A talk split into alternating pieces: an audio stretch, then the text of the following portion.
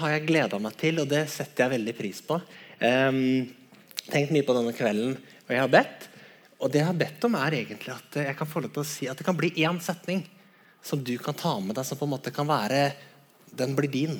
Liksom, det kan være noe som, som, på en måte du kan ta med som, som hjelper i, i, i, i troen.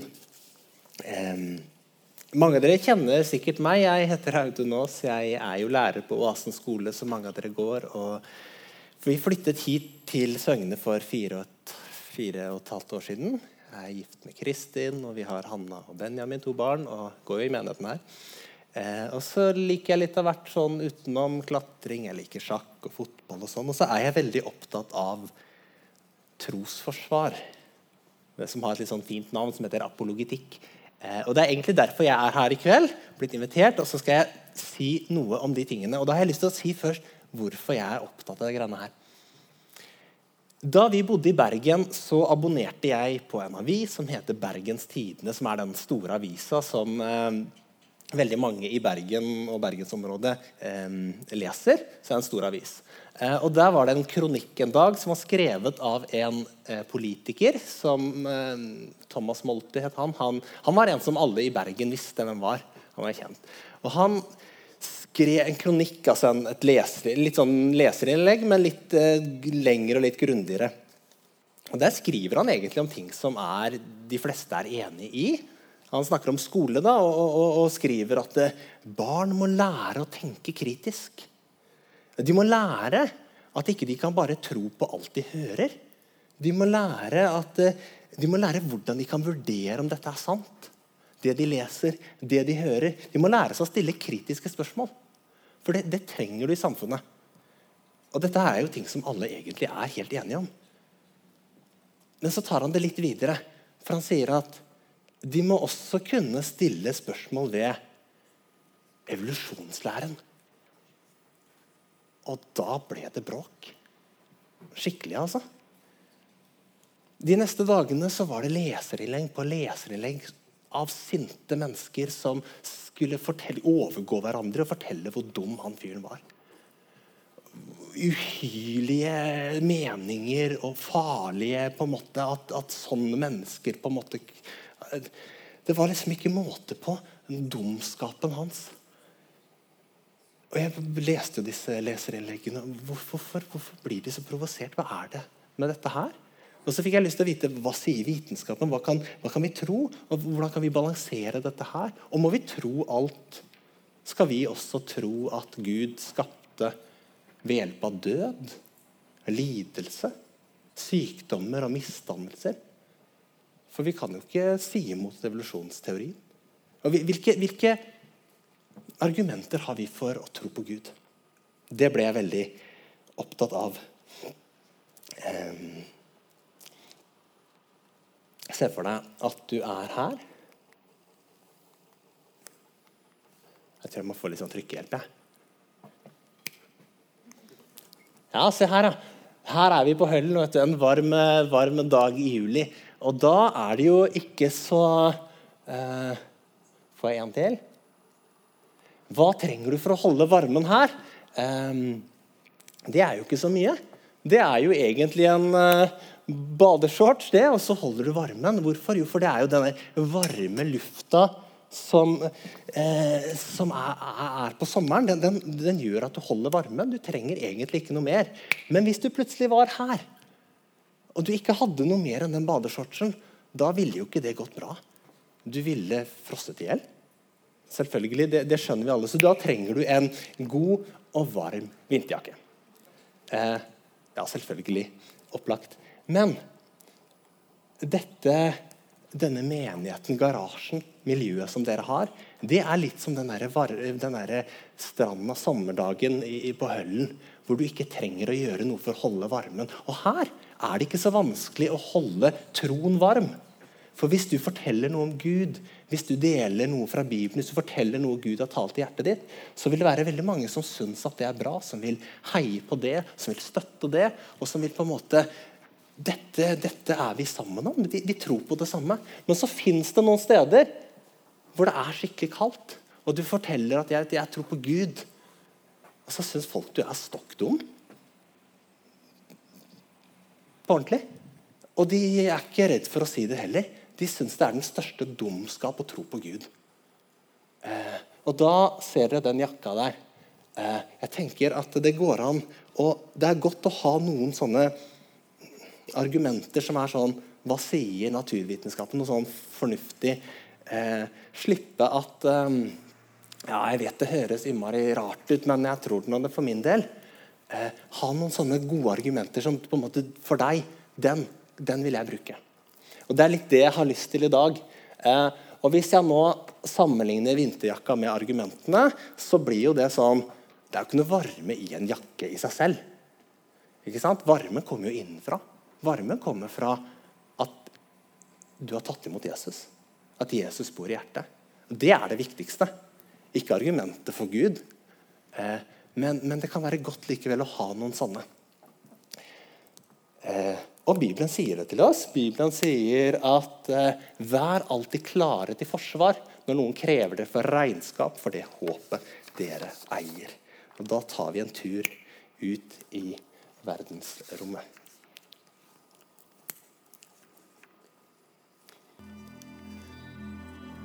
Verdensrommet. Vakkert. Voldsomt, majestetisk, sjarmerende og spennende. En uendelighet av planeter, stjerner og galakser. Et rom som ikke har noen ende, uansett hvilken retning du reiser i. Vakkert å se på, men ikke gjestmildt. Det er ikke liv noen steder. Det fins ikke engang noe sted hvor det er mulig å ha liv, som forskere har funnet. Selv om det er lett og søker etter livstegn, så har de ikke funnet et eneste ennå. Temperaturen er ca. 270 minusgrader. Inni de vakre, lysende stjernene er jo temperaturen mange, mange millioner grader. Hvis du befant deg her, ville du frosset i hjel. Eller blitt stekt, eller est ut som en ballong, eller strukket ut som en spagett. I alle tilfeller ville du vært død i løpet av noen sekunder.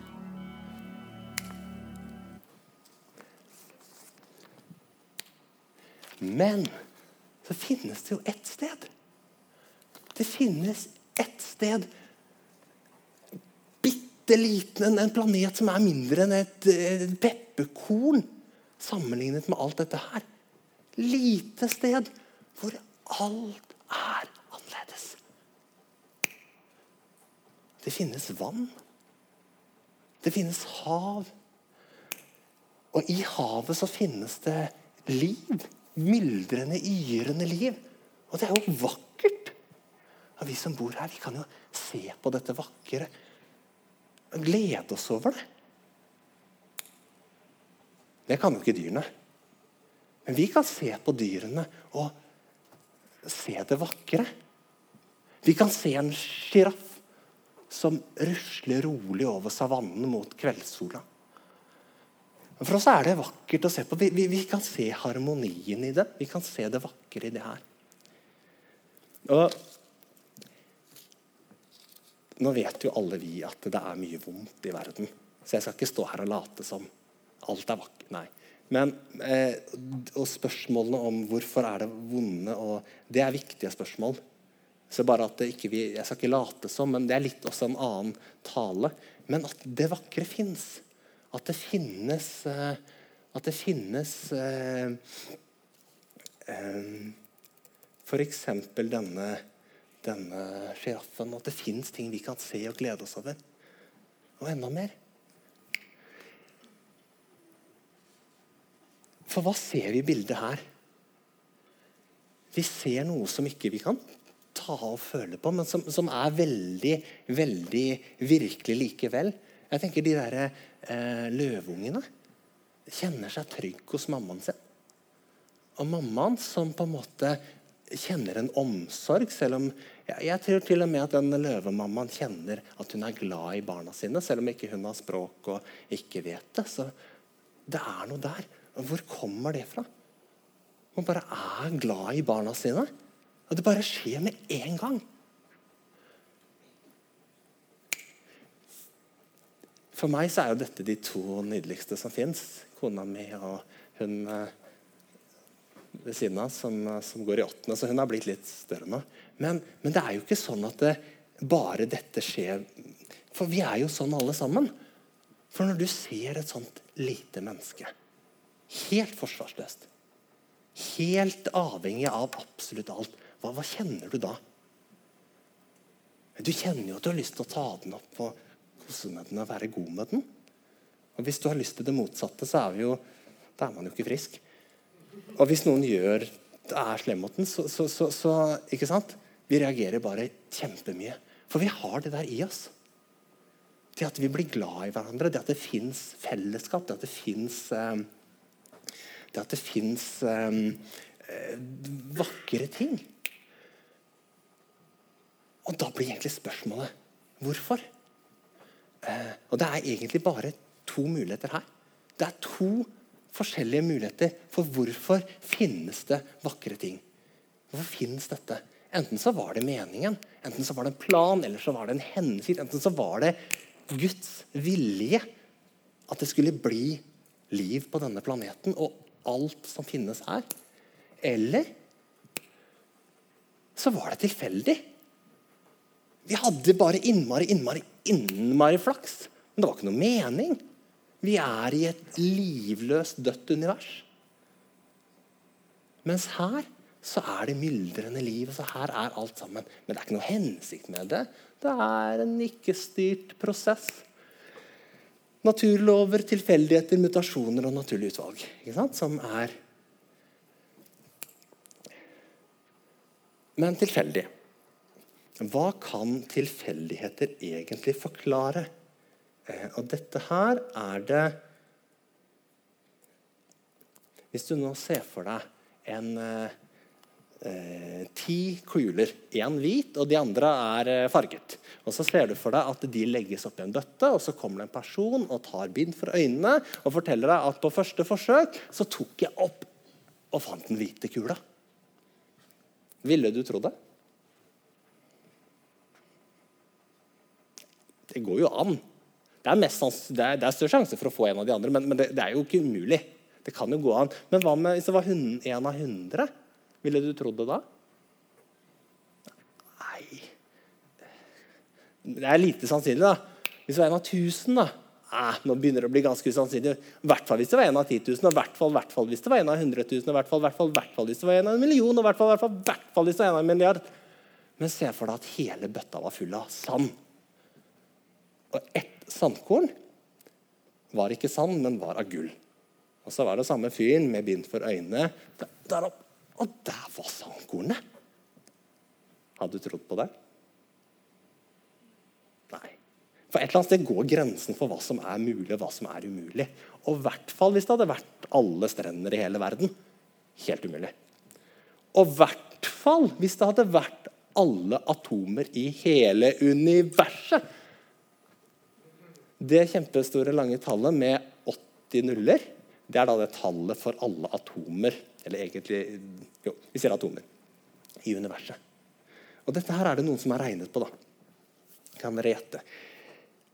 Hvis, dette, hvis alle atomer i hele universet hadde vært et lodd i et kjempestort astronomisk eh, lotteri, og det var ett vinnerlodd, altså ett atom Og sjansen da for å trekke ut det riktige vinnerloddet, det riktige atom Det er større sjanse for det enn for at det skulle bli liv på vår jord. Altså Det at det er liv her, det er så ubeskrivelig usannsynlig. Og likevel så er vi her. Det er en som har uh, regnet på det her. Han heter uh, Roger Penrose. Og han er ikke en hvilken som helst. Han har da vunnet um, uh, Nobelsprisen i fysikk. Eh, det er litt som en fotballspiller som vinner gullballen eller eh, blir årets spiller. Det er liksom det gjeveste. Det å si at han er en gammel, skrullet professor som ikke skjønner seg på fysikk, det er litt som å si at Messi han har ikke noe greie på fotball. Det blir litt tullete. Han, han her vet hva han snakker om. Og han har da regnet ut sannsynligheten for at det skulle bli liv i universet. Og Da får vi et tall med 0,00, og så ser du at det er noen prikker der. Er det noen som har lyst til å gjette hvor mange prikker som skulle vært der? Hm? Mer enn 15? Mer enn 80? Mer enn 100? Mer enn 200? Mer enn 1000? Mer enn Mer enn 8 millioner? Mer enn 10 millioner? Mer enn 1000 milliarder? Ja, mye mer enn en billion. Ja, mye mer enn det òg. Eh, da må vi nesten tilbake til disse atomene våre da, i universet. For da hadde vi 80 nuller. ikke sant? Eh, hvis du hadde plassert nuller på alle atomene i hele universet, så ville du gått tom for atomer, ikke nuller. Det er mange flere nuller som skulle vært der, enn atomer i universet. Så det er jo sånne tall da, som på en måte er vi, vi, skjønner jo ikke noen av oss, men vi på en måte kan vite at det er helt Sjansen for at det skulle bli liv, er, er på en måte helt umulig. Eh, og da, da, da, blir det ganske fornuftig å tro på Gud. Og her har jeg tatt med meg en kopp. Eh, den er ganske stor. Jeg tok med den største jeg fant. Men du kan tenke deg havet. havet er, det er så mye vann i havet vet du, at det, du får ikke engang plass der. Ja, selvfølgelig. Det, her er det så mye vann at du får ikke plass Er disse to egnet for å på en måte skjønne hvor mye vann det er i havet? Det funker litt dårlig. Eh, og litt er det her også, vi, vi, snakker om ting som på en måte er så voldsomt at vi har ikke helt begrepene for å liksom, skjønne det ordentlig. Men vi kan kanskje skjønne at vi ikke skjønner det helt. Og så kan vi skjønne at sjansen for at det skulle bli liv på jorda, den er ubeskrivelig liten, sier de som virkelig har greie på det. Og da er det ganske fornuftig å tro at det finnes en Gud.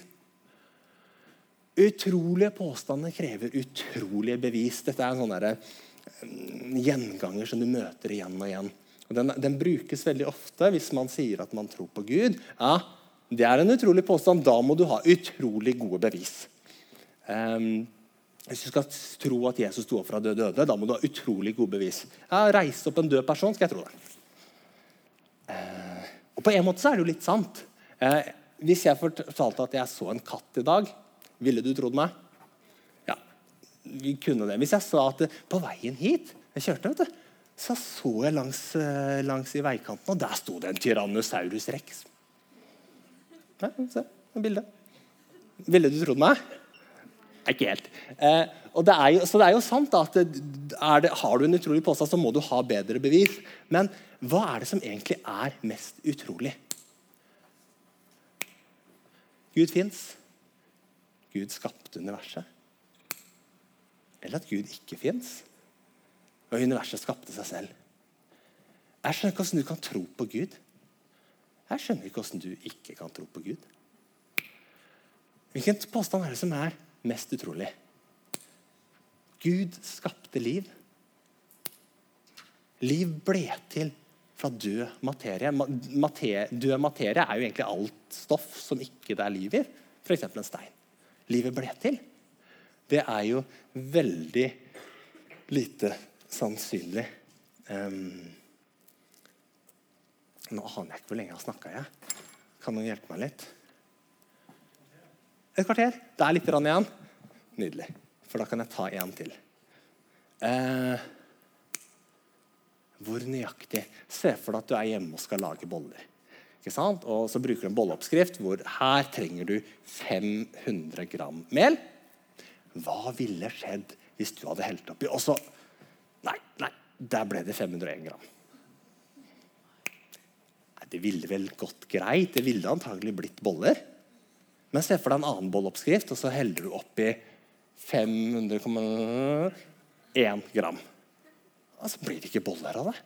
Det, bare, det, ble ingenting. Det var helt ødelagt. Du, var, du må være nøyaktig. Hva, hva, skal jeg med sånt tøysete eksempel? Fins ikke noe sånn bolleoppskrift. Sånn er det ikke i verden. Men sånn er universet. Og det her er utrolig rart, utrolig fascinerende og helt på ordentlig.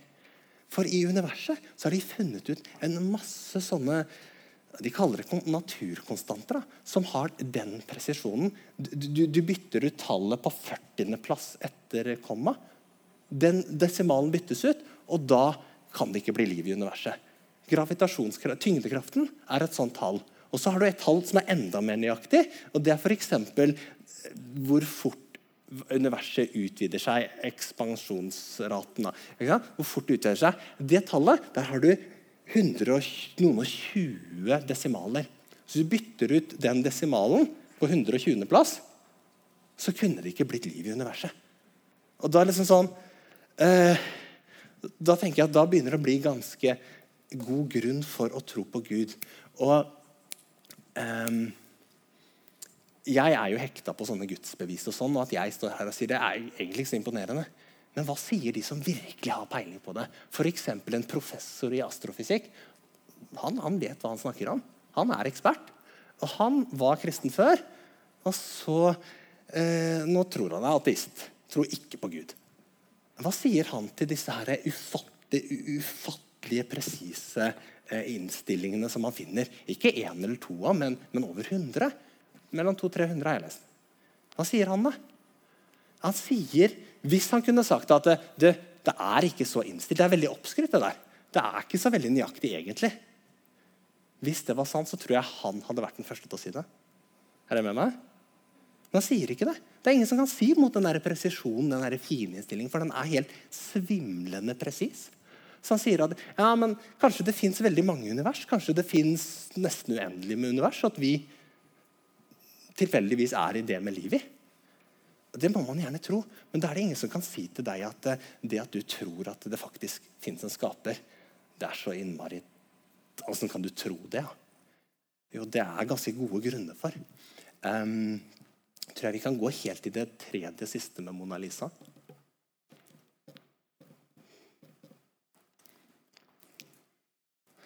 Det er veldig gøy å snakke til dere, altså. Jeg føler jo også skulle vært sånn på skolen hver dag. vet du. Der. Nei, vi kan gå tilbake. Men jeg ser ikke kunstneren. Er det kunstverket et bevis på at det har vært en maler der? Selv om ikke vi kan se maleren i det hele tatt. Han er jo borte, han er jo død.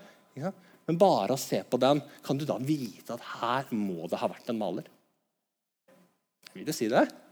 Men hvis ikke det, nei, det kan vi ikke vite. Da må man jo ha en ganske sånn god forklaring på hvordan den malingen ha lagt seg sånn, så det ser nesten helt ut som en dame. Det er ikke så lett å komme på en sånn forklaring. Forklaringen din om at det, det fins en skaper, den, den, er ganske, den, er ikke så dum, den. Og dette her, Første gangen dette ble eh, formulert, det var en som heter William Paley på 17, begynnelsen av 1800-tallet, filosof, sier at det, hvis du ser en stein som bare ligger på bakken, så er det, er det ganske eh, Så ville du kanskje ikke tenkt noe særlig over det. det. det. er ikke noe rart med det. Men hvis du så en klokke som lå der, og tok den opp og så på en måte disse urskivene, og sånn, så ville du antagelig sagt deg selv at det, her må det være noen som har satt det sammen. Dette kunne jo ikke skjedd av seg selv. Er dere med? Og Det er litt sånn det samme med universet. Og det samme med jorda. Og Det står faktisk i Bibelen at de har ingen unnskyldning. Og Når man begynner å se på og ta inn hva som fins på jorda, åssen Gud egentlig har satt opp, den presisjonen, det vakre, det at vi kan bli glad i hverandre I et univers med bare livløs materie. Og her er vi og det myldrer av liv. Da er det ganske gode grunner for å tro på Gud. Eh, vær alltid klare til forsvar når noen krever det til regnskap. Og så vil jeg bare avslutte med det som jeg liksom begynte med. Da, dette med at tenke etter kanskje om Er det én setning, er det én ting som, som, du har lyst til å ta med deg? Ikke huske alt, men sånn Den, den har jeg lyst til å gjøre litt til min. Så tenker jeg at eh, Ja, var det mitt håp. Takk for meg.